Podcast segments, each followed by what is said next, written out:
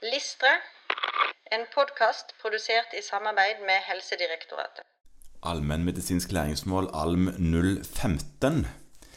Selvstendig kunne prioritere i egen praksis og kunne bidra til at pasienten får rett behandling på rett sted til rett tid. Ja, det er jo helt sentralt i det mm, fastlegetjenesten skal være god på. Ja, rett behandling på rett sted, det er jo, Det er hun. det er jo ofte hjemme.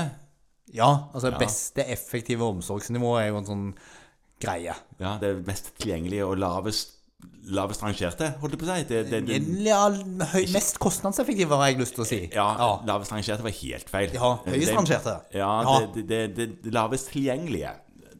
Det, det var helt feil, det òg. Det, det, Altså, du har rota deg inn i noe her nå, Nå Morten. eh, kommer jeg meg ikke ut av dette. Nei, nei. Ehm, Altså, ta vekk lavest. ja, Snakk om best. ja, best, best. Best. Men det er òg, holdt på å si, Mest tilgjengelige. det mest tilgjengelige. Ja. Så hvis du er hjemme, er det best. Hjemme er det best. Og hjemme, og, og hjemme hos oss, holdt jeg på å si, hos fastlegen. Ja. Ja. Fordi at det dette handler om, er at vi faktisk skal drive en praksis der vi skal henvise det som må henvises. Ja, for det går òg inn i dette her. Ja. Ja. Men det kan i hvert fall gå inn i det. Vi s- tenker jeg at vi må drøfte Ja. eh, når man går gjennom dette læringsmålet. Men- Og det man må finne ut av, er dette en behandling, en utredning og en behandling som kan gjøres i primærtjenesten. Hvor mye av den kan gjøres i primærtjenesten, og hva er det fornuftig at gjøres hos oss.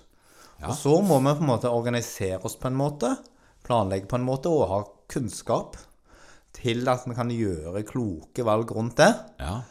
for at pasienten får rett behandling på rett sted til rett tid. Ja, og, og rett behandling er noen ganger òg å ikke gjøre så mye. Ja, For Altså, det, dette her kloke valg-kampanjen handler jo litt om å, eh, at man kan gjøre noe. er Ikke nødvendigvis ensbetydende med at man bør gjøre noe. For eksempel så kan man jo tenke på disse berømte, disse berømte meniskene. Ja, Ja. eh, du tenker på meniskene man har i kne nå. Ja, Ja, for man de- har menisk andre steder òg, men det trenger vi ikke ta nå. Nei, Nei. Og, og de meniskene kan man av og til få skader i. Ja visst. Eh, og for det første så er det ja da sånn at alle som har litt vondt i et kne, vil ha MR.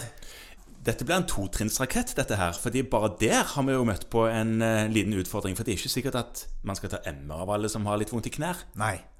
Men sett at du har gjort det, da, og så finner du på det MR at det der var litt grann eh, degenerative forandringer på eh, menisken på venstre side. Så er det ikke lenger sånn at det nødvendigvis i det hele tatt blir bedre av at en ortoped med lang utdannelse går inn og friserer på den. Nei, så her er det da et eksempel på at eh, riktig behandling er å vente og se om knesnertene faktisk eh, er håndterbare og kanskje demper seg litt og forsvinner med tiden. og kanskje blir bedre med fysioterapi eller noe eh, lignende.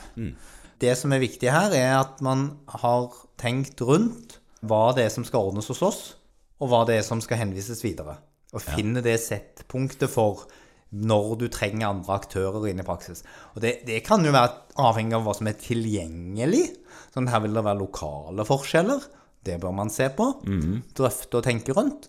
Og det som i hvert fall er viktig, er at det er ikke alltid at rett behandling til rett tid gis hvis du henviser videre.